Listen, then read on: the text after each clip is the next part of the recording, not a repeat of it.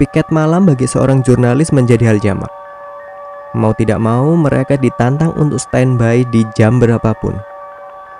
Berjaga-jaga bila ada sesuatu peristiwa yang terjadi di saat orang lain sedang terlelap tidur. Buat yang kebagian piket malam di tempat kerja mungkin sudah biasa. Namun, bagi yang bekerja di kantor berpredikat horor memang jadi tantangan tersendiri. Seperti pernah dialami oleh Indah Wulandari seorang mantan jurnalis yang dulu berkantor di bilangan Jakarta Selatan.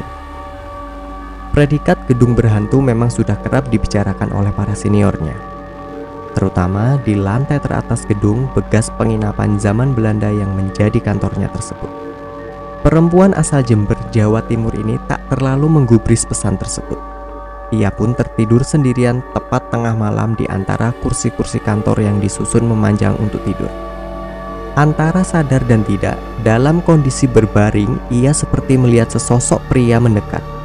Wajahnya mirip fotografer kantornya, namun agak mengerikan. Semakin dekat, sosok tersebut ingin mencekik lehernya. Bangun dari bangku, ia beristighfar dan memastikan tak ada siapa pun di lantai empat tersebut. Dia berpikir itu hanya mimpi, yang seolah menjadi kenyataan. Ia pun baru teringat sedang dalam kondisi haid yang berpotensi ditempeli makhluk halus. Esoknya, ia bercerita ke teman-temannya tentang kejadian tadi. Ternyata, ada beberapa yang mengalami kejadian serupa. Misalnya, melihat sosok serupa teman kerja di lorong toilet.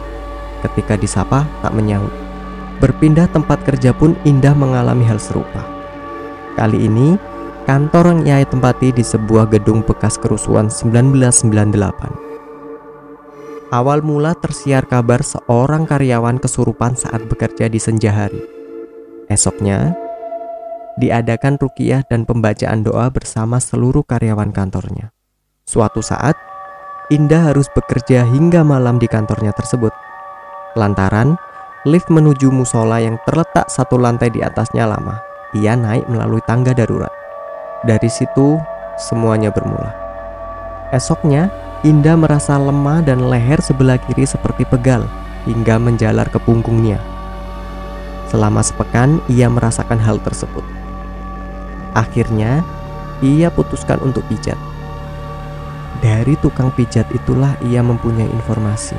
Indah mengetahui perubahan kondisi badannya karena berinteraksi dengan makhluk di sekitar tangga. Berbekal dua pengalaman mistis itulah, Indah kini berusaha menjaga lisan dan perbuatannya walaupun saat sedang bekerja sampai malam.